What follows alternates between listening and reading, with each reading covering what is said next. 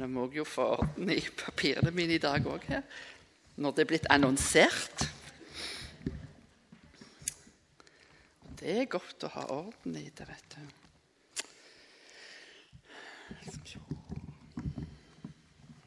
Det er litt for liten talerstol her til sånne som må ha noen bøker med seg. Vi skal lese det som er teksten for i dag, når etterpå vi har bedt til Gud sammen. Og Teksten står i Matteusevangeliet kapittel 8, fra vers 5 til 13. Men vi vil be i sammen.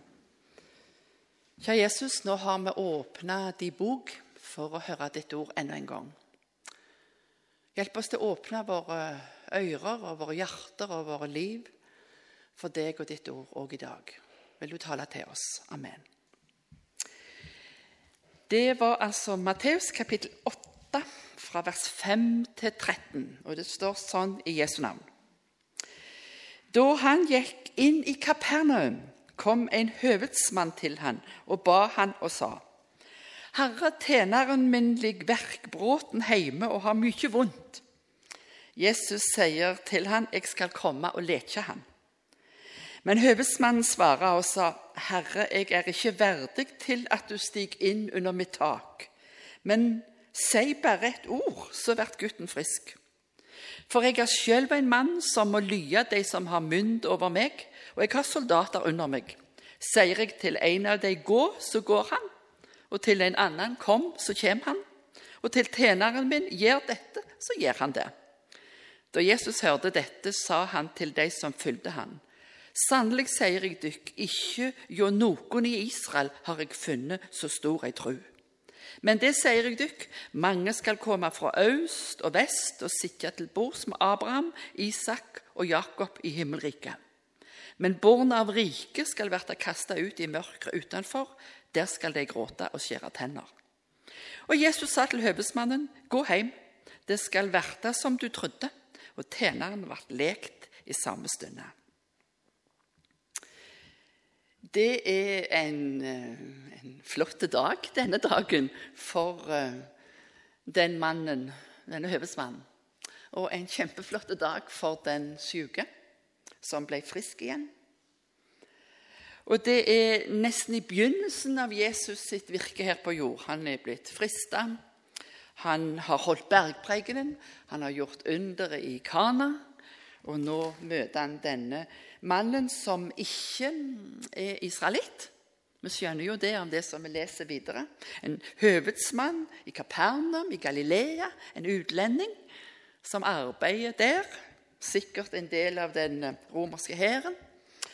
Og så um, tror jeg det var Asbjørn Kvalbein som skriver i denne tekstgjennomgåelsen Han har at uh, denne høvedsmannen han var en som hadde makt over 100 soldater. Han styrte med de. Og så har han en som er, er sjuk hjemme. Hvis vi leser i Lukasevangeliet, tror jeg vi tar med det òg, for der står det om det samme. Vi tar en liten tekst til. Forklarer litt mer. I Lukas kapittel 7, fra vers 1 til 10, så står det sånn Da han var kommet til ende med hele talen sin, medan folket hørte på, gikk han inn i Kapernaum. En høvedsmann hadde en tjener som var syk og var nær ved å dø. Denne tjeneren sette han svært høyt. Han fikk høre om Jesus og sendte noen av de eldste mellom jødene til han for å be han komme og leke tjeneren hans. Da de kom til Jesus, ba de han inderlig og sa, 'Han er vel verd at du gjør dette for han.' For han elsker folket vårt, og det er han som har bygd synagogen åt oss. Jesus gikk da til dem. Men da han ikke hadde langt att til huset, sendte høvedsmannen noen venner til han og sa, Gjør deg ikke umak, herre, jeg er ikke verdig til at du stiger inn under mitt tak. Derfor holdt jeg meg heller ikke verdig til å gå til deg, men si et ord, så blir gutten frisk. For jeg òg er en mann som står under den som har mynd over meg, og har soldater under meg att. Sier jeg til den ene gå, så går han, og til den andre kom, så kommer han, og til tjeneren min gjør dette, så gjør han det. Men da Jesus hørte dette, undret han seg over han. Han vendte seg til folka som fulgte han, og sa, det sier jeg dykk, ikke engang i Israel har jeg funnet så stor ei tru. Og da de som var sendt ut, kom tilbake til huset, fant de tjeneren frisk. Er ikke flott? utrolig, tenker jeg, å lese om denne her romerske høvedsmannen som eh, var liksom, kom til Galilea der, var i tjeneste der. Og så, og så har han liksom begynt å bli glad i israelsfolket. Han elska folket der, står der.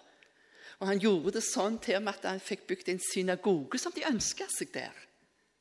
Og så har han en tjener, og vi skjønner at det er en gutt, en yngre iallfall, som er det veldig glad i. Det står der òg. Og så blir han syk. Og så um, har han hørt om Jesus, datter? denne her høvedsmannen. Og så um, gjør han dette for denne syke tjeneren sin, at han uh, venner seg til Jesus. Han uh, syns ikke at han er god nok til at uh, Jesus kan komme til ham. Og han syns heller ikke at han er verdig sjøl å gå og snakke til Jesus. Så han sender noen av eldstene av jødene av gårde for å spørre Jesus kan du komme hjem til meg, for jeg har en sjuk tjener. Det virker iallfall sånn at han ønsker at han skal komme, for Jesus sier jeg skal komme og lede han. Men han har jo ikke sagt han skal komme hjem til huset hans en gang, for han syns ikke han er verdig til det. Jeg... Jeg syns det er flott å lese om den der høvedsmannen. Og de andre i Galilea snakker om han og sier det til Jesus at han er verd at du kommer og hjelper han altså. For han, er så kjekk, han der høvedsmannen. Han er så en god mann. Han er glad i oss, og han har bygd synagoge for oss. Og nå har han en tjener som er syk, som han har sånn omsorg for. Han er verd at du kommer til Jesus og hjelper han. Tenk, å, tenk, om noen sier sånn om oss, at vi er så gode som den der høvesmannen. ikke sant? Det er så flott å lese om noen som får gode vitnesbyrd av folk rundt seg. Og det fikk denne hedningen. For han var jo ikke noen jøde. Han hørte jo til hedningfolket. Og så hadde de så gode vitnesbyrd. De å, tenk om de hadde sagt det av meg. Hun er altså. Er verd at du gjør noe for henne, for hun er sånn, altså. Det sa de om han der høvesmannen. Og det er flott, altså, å høre at mennesker er gode. Og det var denne her høvedsmannen. Og så er det jo dette her utrolige at han har fått hørt om Jesus. Han er jo kjempeheldig at han har fått hørt om Jesus. Han fikk høre om Jesus, står der. Og da tenker han hva kan jeg gjøre da? Jo, da kan jeg sende bud til denne Jesus at han kan komme og, og hjelpe ham. Det er ikke mange av hedningfolket som får på en måte komme i nær kontakt med Jesus, men Jesus gikk omkring her på jorda. Vi hører om han høvedsmannen, og så hører vi om den kananeske kvinna. Hun står der òg. Hun hadde ei datter som var så syk, og så står der hun hadde hørt om Jesus. Og når Jesus kom til hennes bygder, så for hun av gårde for å få rope noe til Jesus og be Jesus om noe. Vi hører i grunnen bare om de to av hedningfolket som får et møte med Jesus. Og til hun der kananeske kvinna så sier Jesus jeg er bare kommet for de forkomne av Israels hus. Og så sier hun ja, jeg er jo ikke verdig til det, altså. Men, men hundene er den, og de smulene som detter av bordet til de rike. Så hjalp han det. Og Jesus ville tror jeg, fortelle at Jesus er kommet for hedningfolket òg. Men det er jeg og du som skal gå videre og fortelle. Jesus han kom til Israel, og så sier han før han fer opp til himmelen Jeg har vunnet all makt i himmel og på jord. Gå derfor ut, forkynn i hele verden at det er for alle. Men eh, han hjelper denne her høvedsmannen, og han hjelper den kanadiske kvinna. Og så står det så utrolig i apostelgjerningene òg at det kom en mann fra Etiopia til Jerusalem for å tilbe. Og Det syns jeg alltid er så underlig. Hvorfor i all verden hadde han fått hørt om at det fantes en gud i Israel? Han kjente jo ikke frelsens vei, men han må ha hørt noe om at det finnes en gud i Israel. Og så hørte vi det lest her i, i leseteksten òg, at Gud han er for alle. Der står det at det kan hende det kommer en fremmed, en som ikke av Israel, folket ditt, men kommer fra et land langt borte fra navnet ditt skyld. For de vil få høre om det store navnet ditt, om den sterke hånda di og om armen du har rett ut. Når han så kommer og ber, vend mot dette huset, så vil du høre det i himmelen. Og Det forteller meg at evangeliet er for alle. Men Jesus sa jeg er bare kommet for Israel, jeg. Og så er det jeg og du som skal være med og gå videre med evangeliet. Ja. Og så sier Jesus om denne høvedsmannen det står at um, Jesus sier han har så sterk ei tru. Jeg har ikke funnet ei sånn ei sterk tru i, i, i, hele Israel, sier Jesus. Men, men denne her av hedningefolket, han har det. Og så tenker jeg, ja, hva er ei sterk tru? Hvordan viser det seg? Hvordan kan Jesus si om han der at han har så sterk tru?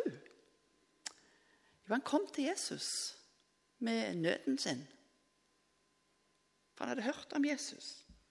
Sender jødene og de som han er verd at du hjelper. Og så sender han vennene sine. Og så sier han jeg er ikke verdig at du kommer inn til meg. Han, jeg tenker når jeg leser, For en ydmyk mann liksom, i sine egne øyne. Jeg er ikke verd jeg, altså.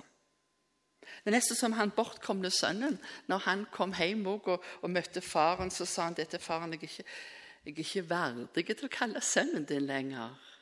Men kan jeg få, få være tjener? Å kjenne Jesus leste jeg i en sånn tekstgjennomgåelse om denne teksten. Det er å kjenne sin egen uverdighet. Og likevel komme til Jesus. Det er ei sterk tro. Og jeg leste en lesetekst som var for, for, denne teksten et år tidligere. Da var de fra Jeremias kapittel 9. Hør hva det står der, vers 23. Så sier Herren, den vise skal ikke rose seg av visdommen sin. Den sterke skal ikke rose seg av styrken sin. Og den rike skal ikke rose seg av rikdommen sin. Men den som vil rose seg, lat han rose seg av at han er forstandig og kjenner meg at jeg er Herren som gir mesken rett og rettferd på jorda. For i det har jeg hugnad, sier Herren. Å kjenne Jesus, det er å kjenne sin egen uverdighet. Og likevel komme til Jesus i sin nød. Og det sier Jesus. Det er en sterke tro. det. Jeg har ikke funnet sånn en sterke tro i hele Israel.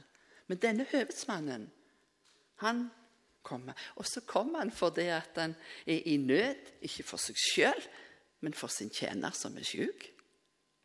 Full av omsorg.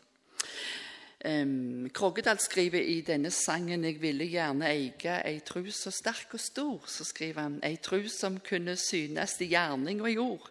Men når mi tru sig sammen og alt mitt egeverk, da har jeg bare Jesus, og da er trua sterk. Jeg, leste en plass, eller jeg hørte en plass en predikant som sa at når du sier det ute med meg, da er tida inne for Jesus i ditt liv. Når ingen andre kan hjelpe, da vender vi oss til Jesus. Da er han der, da hører han. Der står det i Romerbrevet kapittel 3 at trua står der, den kommer av hørelsen. Og det en hører, står der, det er Jesu ord. Jeg tenker at det, det er viktig at alle på en måte får komme unna det der kraftfeltet, at de får hørt Guds ord. For um, der står det at um, I Romerbrevet kapittel 1 så står det, det om, om, Guds ord. Hvor viktig det er å få høre det. For det står at um, For jeg skjemmes ikke ved evangeliet, for det er Guds kraft til frelse for hver den som tror for både for jøde først, og så for greker. For i det blir Guds rettferdighet åpenbar av tru til tru, som skrevet står, den rettferdige av tru skal han leve. Tenker jeg, Han der høvedsmannen i Kapernaum han ble nådd med nyheten om Jesus. og Derfor så kunne han vende seg til Jesus i sin nød. Og så er det jo dette her veldig at han ber på en måte åndens frukt. Og Det syns jeg ble så flott for meg når jeg leste denne her beretningen. Jeg har liksom ikke sett det sånn før. Hvordan kan vi si det at han bar troens frukt i sitt liv? Jo, for han hadde jo omsorg for denne her tjeneren sin, som var blitt syk. Ikke alle som brydde seg om tjenerne sine. Men han her brydde seg så veldig at han på en måte gikk i forbønn for ham sendte tjenerne sine til Jesus og ba for denne unge tjeneren sin som var blitt syk. Så tenker jeg, For en flott måte å leve ut troen på Jesus på. I omsorg for han. Og så eh, hadde han medlidenhet, og så hadde han praktisk omsorg. Så tenker jeg oh, sånn skulle det være troens frukt i våre liv òg. Skulle jo det. Så tenker jeg av og til Av og til så irriterer jeg meg liksom på søsknene mine og litt sånt av og til. Hvorfor skal jeg alltid hjelpe tante og liksom forskjellig og sånn? Ja, hvorfor skal alltid jeg? Og så Av og til så sier jeg til meg sjøl hvorfor legger du det sånn på det? Kan du ikke liksom bare ja, leve videre? Hvorfor bryr du deg? Så tenker jeg, hvorfor bryr vi oss sånn? Hvorfor brydde han seg sånn, han der høvesmannen? Når jeg leste det, så tenkte jeg kanskje det er fordi at Jesus bor i oss. Kanskje det er fordi at vi, skal bære troens frukt. Kanskje det er fordi at Kristi kjærlighet tvinger oss.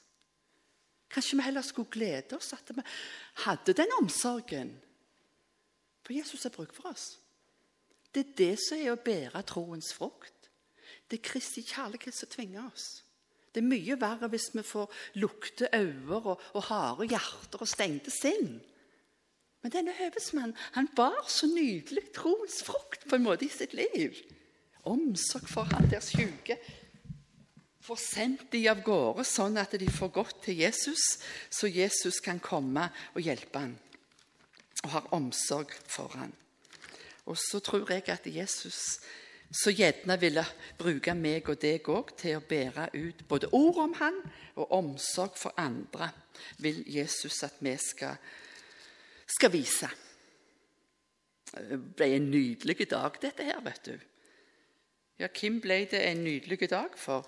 Det ble det for den syke mannen. Vi tenker jo mest på han der høvedsmannen ikke sant? og hans tro. og sånn. Men frukta det ble jo at han jo, ble frisk, han der som var sjuk. Og så var det en gledens dag for høvedsmannen, for han fikk jo hjelp en. Og så var det en gledens dag for Jesus, tror jeg. Han gleda seg sikkert sånn over han der høvedsmannen, som brydde seg sånn ropte til han, så kunne Jesus få vise sin makt, hvem han er. Og så ble det ei deilig frukt den dagen der i Galilea. Og så ikke en jøde engang, men en hedning som gjorde dette her. Ikke engang i Israel, sier Jesus, har jeg funnet så stor ei tru. Tenk hva man kan si om oss. Ikke engang på Sandnes har jeg sett noe sånt. Ikke engang på Ullandhaug, der jeg bor, har jeg sett noe sånt. Eller kanskje han kan få glede seg over at åh, de har omsorg, de bryr seg, de har medlidenhet, og de kommer til meg med sin nød. Um, der, jeg har møtt ei dame i Peru. Jeg har fortalt om det mange ganger før. Nå skal jeg bare fortelle litt om det. Hun hadde um, blitt brent og havna på sykehus. Hun hadde blitt brent fordi at uh, primusen hans eksploderte. Og Før hun havna på sykehuset, hadde hun hatt en, en samboer. Men han, eh, de fikk ikke barn sammen, så han stakk av og reiste ifra henne. Og så slo han seg sammen med søsteren hans. Og hun ble så forarga på det der, vet du. At eh, Hun kjøpte seg kniv, fortalte hun, og reiste for hun tenkte hun skulle drepe dem, både søstera og han tidligere samboeren. Og ble slagsmål, for han òg hadde kniv. Stakk hverandre og greier. Og så ble det rettssak. Og Det var i den der tida når den den rettssaken pågikk, at uh, hun sto i kiosken sin, og så eksploderte primusen, og så havna hun på sykehus. Hun var der i to år. For hun var 80% brent. Bare ryggen gikk fri, og ansiktet. Så var hun der på sykehuset i, i to år. Og Der kom det en katolsk prest og fortalte om Jesus. Og viste en film om Jesu liv. Og Det gjorde sånn inntrykk på henne. Hun hadde jo hørt om Jesus før. Så reiste hun hjem når hun var kommet ut av sykehuset, og så, og så sa hun jeg har hørt om Jesus på film, og det var så interessant. Da sa mor og da må du gå på skolen i kveld, for der er det noen som driver reklame for en bibelskole. Og Hun gikk der, havna på bibelskolen, møtte Jesus og ble en kristen. Og så, når hun kom tilbake da, til byen, så gikk hun i en menighet og fortalte sin historie der. Og så sier evangelisten ja, da må du gå til søster di og han tidligere samboeren din og si at du tilgir dem, og at du elsker dem. Og da sa, fortalte de dette på en bibelskole. Det kunne jeg jo ikke gjøre, for jeg var jo så sint på dem. Jeg hadde jo prøvd å drepe dem. Og, og, nå skulle jeg gå og si at jeg elsker dem. Nei, sa det. Så sa han evangelisten jo, det må du gjøre. Ja, ja, tenkte jeg, så får jeg nå gå. Han tok meg med, og vi for av gårde. sa Og vi kom dertil, og jeg kom inn i huset og tenkte hva skal jeg si? Så sa jeg det til de sa at um, Jesus elsker meg, og Jesus elsker dere. Og Jesus har tilgitt meg. Og Jesus um, vil gjerne tilgi dere. Og Jesus vil gjerne at jeg skal tilgi dere, men det får jeg ikke til, sa For dere har gjort meg så mye vondt. De sa, det er sånn. Hva er det med henne, altså? tenkte de. Så gikk jeg, sa Så gikk det et år eller to, så stakk han av med hushjelpa si, han mannen. Og da satt hun søstera til denne her igjen med to unger. Og da tenkte jeg det er underlig når noen har begynt å følge Jesus. For hvem tok seg av de der to jentene da, som på en måte ble farløse? Og, ja, det var hun der Teofila, hun som var så forarga på dem og sånn. I alle år har hun tatt seg av de der to jentene. Fått dem på søndagsskole, med på møte, jobba så de skulle få skole. Øh, og gå på skole få utdannelse. I alle år, fem, ja, 20 år, har hun drevet på med det. Tenker, Hvorfor det? Hvorfor bryr hun seg? For Jesus har flyttet inn i hennes hjerte. For omsorg så du gjerne gjøre noe for andre. Det står noe om det i 1. Johannes brev. og Det er rart å lese. Det står sånn um, i vers, uh, kapittel 3 i 1. Johannes brev. I vers 18.: Mine barn, lat oss ikke elske med ord eller med tunge, men i gjerning og sannhet. På dette skal vi vite at vi er av sannheten, og vi skal roe hjertene våre for Hans åsyn. For om hjertet vårt fordømmer oss, så er Gud større enn hjertet vårt og kjenner alle ting. Tenkte jeg, Det er hun der Teofile, altså. Med ord og tunge. Det var lett å si det, 'jeg elsker dere, jeg tilgir dere', men det visste hun nei, det klarer ikke. sånn. Men likevel så brydde hun seg. Så hjalp hun dem. Jeg, tror, jeg syns at denne teksten taler til meg noe om det. Om å, å bære åndens frukt, sånn som denne høvedsmannen. Jeg hørte om ei, det ei jeg kjenner i Bolivia. Rosa heter hun. Har jobba som bibelkvinne mange år i Bolivia. Hun òg hadde en, en, mann som reiste ifra henne med ei annen dame. Så fikk han en unge med hun andre dama. Så kunne ikke hun ta seg av den ungen. Så tok han den ungen med seg til hun første kona og stilte opp der hos Rosa og sa at jeg har fått en unge med en annen her, men hun kan ikke ta seg av Kan ikke du ta deg av ham? Så gjorde hun det. I alle år hun var i Norge her på generalforsamling for en del år tilbake, denne Rosa. Jeg tenkte jeg, du gjorde det! Ja, Hvorfor det? Møtt Jesus. Omsorg og kjærlighet. Det er under som skjer i våre liv når noe sånt skjer. Og jeg syns det, han der høvedsmannen det taler til meg at han er sånn. Og så taler det til meg en ting til om han. Han er liksom så ydmyk, ikke sant? Det er liksom ikke noe brautende eller noe sånt. Jeg leste en plass at ydmykhet er en typisk følgesvenn der Jesus har fått skape tro og tillit. Jeg er ikke verdig, sa han, at du kommer hjem til meg. Og, jeg er ikke engang verdig til å gå til deg sjøl, sa han. Derfor har jeg sendt vennene mine. De skal snakke med deg. Ja. Og så sånn ærbødighet overfor for Jesus, Guds sønn, ikke sant? den hellige der. Og så ikke noe sånn nedlatende holdning til, til tjeneren sin eller noe. Har lært en plass. Mange av de folka som kom til Jesus og ba om hjelp, det står at de sa 'Mester', sa de til ham. Noen sa 'gode mester'. En sånn ydmykhet. Og så ble de så overvelda av godheten og omsorgen som Jesus viste dem. denne òg har skjønt noe av, av, Jesus storhet og Jesu makt. Han sier til ham, 'Kan du ikke bare si et ord', sier han, 'så blir gutten min frisk'. Og, det vet han, at sånn er det ut ifra sitt yrke, sier han. For det at jeg òg har folk som står under meg, sier han. Hvis jeg sier 'gå', så går de. Og hvis jeg sier 'kom', så kommer de. Og hvis jeg sier til tjeneren min 'gjør det', så gjør han det. Kan ikke bare si et ord, sier han, så blir han frisk. Og så gir han liksom Jesus et vitnesbyrd om at, at jeg tror at du har makt. Og Jesus har makt. Og Jesus vil, og Jesus hjalp. Og så ble det så flott dag. Høvedsmannen han eh, fikk se et under. Og gutten han fikk oppleve et under, og jeg og du har fått hørt om det. At sånn er Jesus. Jeg fant meg en sang her i natt. Jeg våkna litt i natt og tenkte på dette her. vet du, Jeg skulle tale i dag. Jeg har talt mye denne uka. Litt mer enn det jeg trodde, ser dere. For jeg hadde tenkt at jeg hadde fri til fredag. Plutselig så fikk jeg telefon herifra. Ja, vi venter deg på tirsdag. Og en annen plass ja, vi venter deg på onsdag. Og en annen plass vi venter deg på torsdag. Og på torsdag hadde jeg lovt jeg skulle spille inn fem andakter for Norea. Hun ble litt mange taler, vet du. Så våkna jeg i natt, og så kom det så for meg en sang altså, av, av, av Børud. Når jeg leste denne her, hadde lest denne teksten. Jesus ble født i en stall uten ære og makt, men han er konge i dag, og han har all makt. Jesus er stor, Jesus er stor.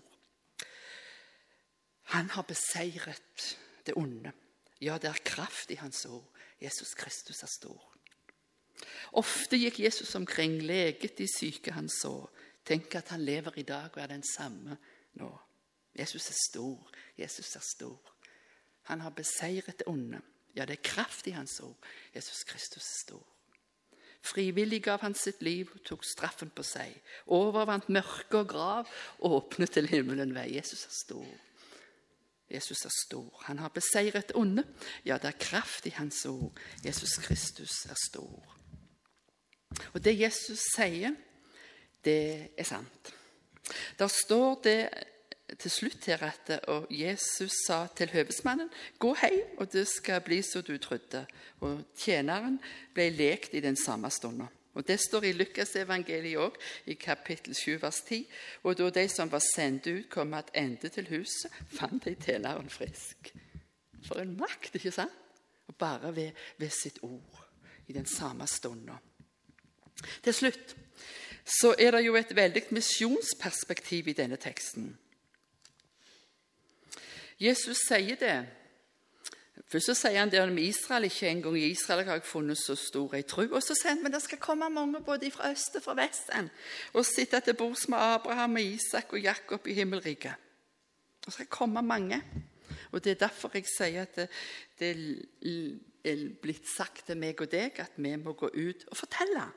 Evangeliet det skal nå ut til alle. Alle, alle synger, må se. Og alle, alle må få høre.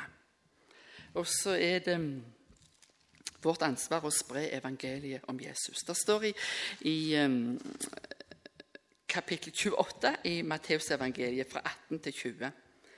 Og Jesus steg fram, tala til dem og sa:" Jeg har fått all makt i himmelen og på jorda. Gå derfor ut og gjør alle folkeslag til læresveiner, med de du døyper deg til navn åt Faderen og Sønnen og Den hellige ande og lære deg å holde alt det som jeg har båret dykk, og sjøl er med dykk alle dager, så lenge verden står. Jeg husker Lars Jøssang sa mange år siden Gamle Kina- og Japan-misjonær. Jeg husker han sa alle mennesker har i grunnen rett til en gang i sitt liv å få hørt evangeliet. Og Da tenkte jeg klart det er jeg enig i.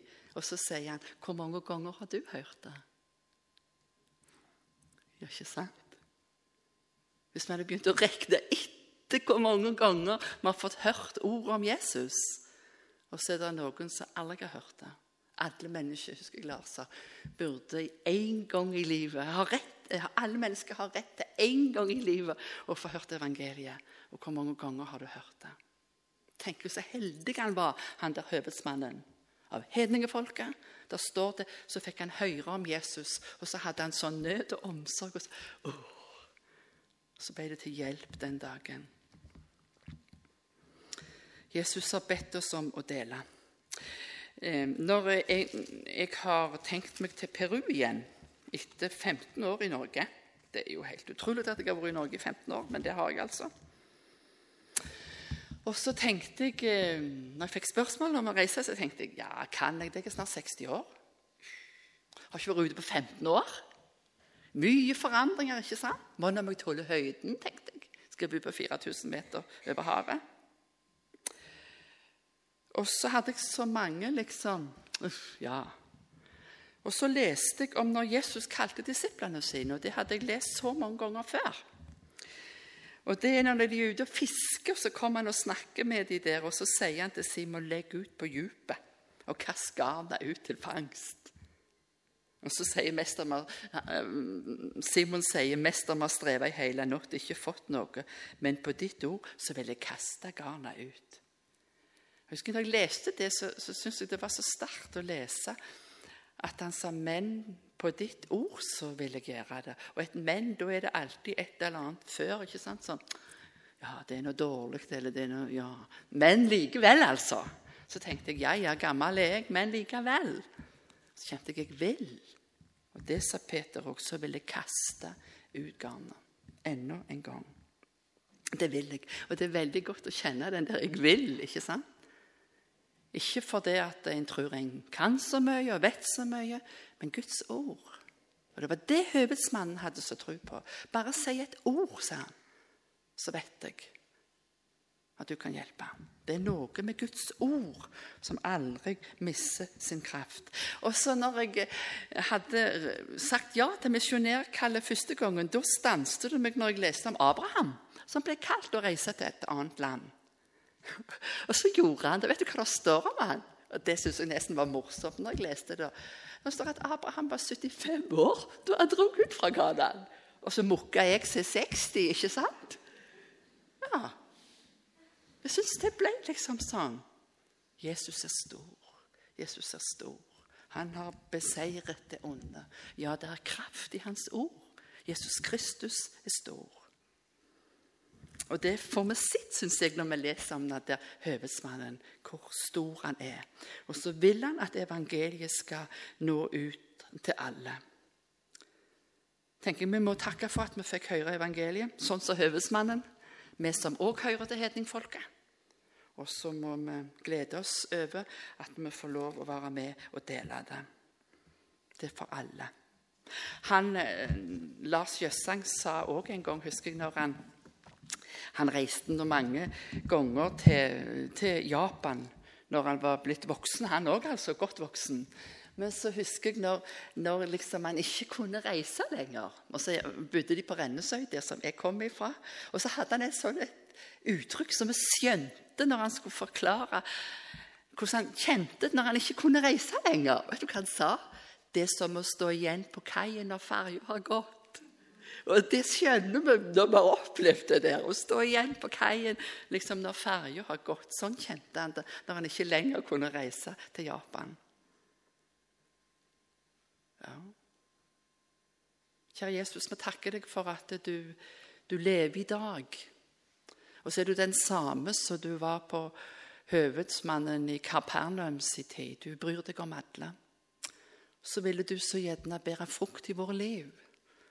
At vi òg så sånn som du, at vi brydde oss sånn som du. Og så, og så, takker vi deg for at vi har ordet ditt som forteller om deg, og så skal vi få lov å dele det. Så får du flytte inn i nye hjerter, forandre nye heimer, nye arbeidsplasser, og så kan ditt navn få ære. Ja, Jesus, vi takker deg for høvedsmannen i Kapernaum. Takker deg for trua som du skapte i hans hjerte, nøden du la inn i ham. Vi takker deg for at du viste den, den dagen hvem du er. Så takker vi deg for at noen kom til vår bygd og, vårt hus og vårt bedehus eller kirke eller hvor du var, og fortalte oss hvem du er.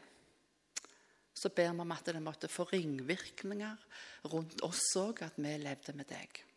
Jeg ber for folk i Peru i dag. ber for Teofila, som tok seg av de to unge jentene. Og jeg ber for Rosa i Bolivia.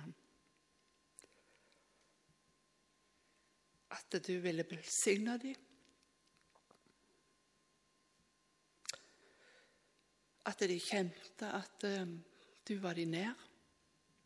At du kunne bruke dem der de var. Det ber vi om for oss òg, Jesus. Du ville velsigne våre liv og våre dager. Amen.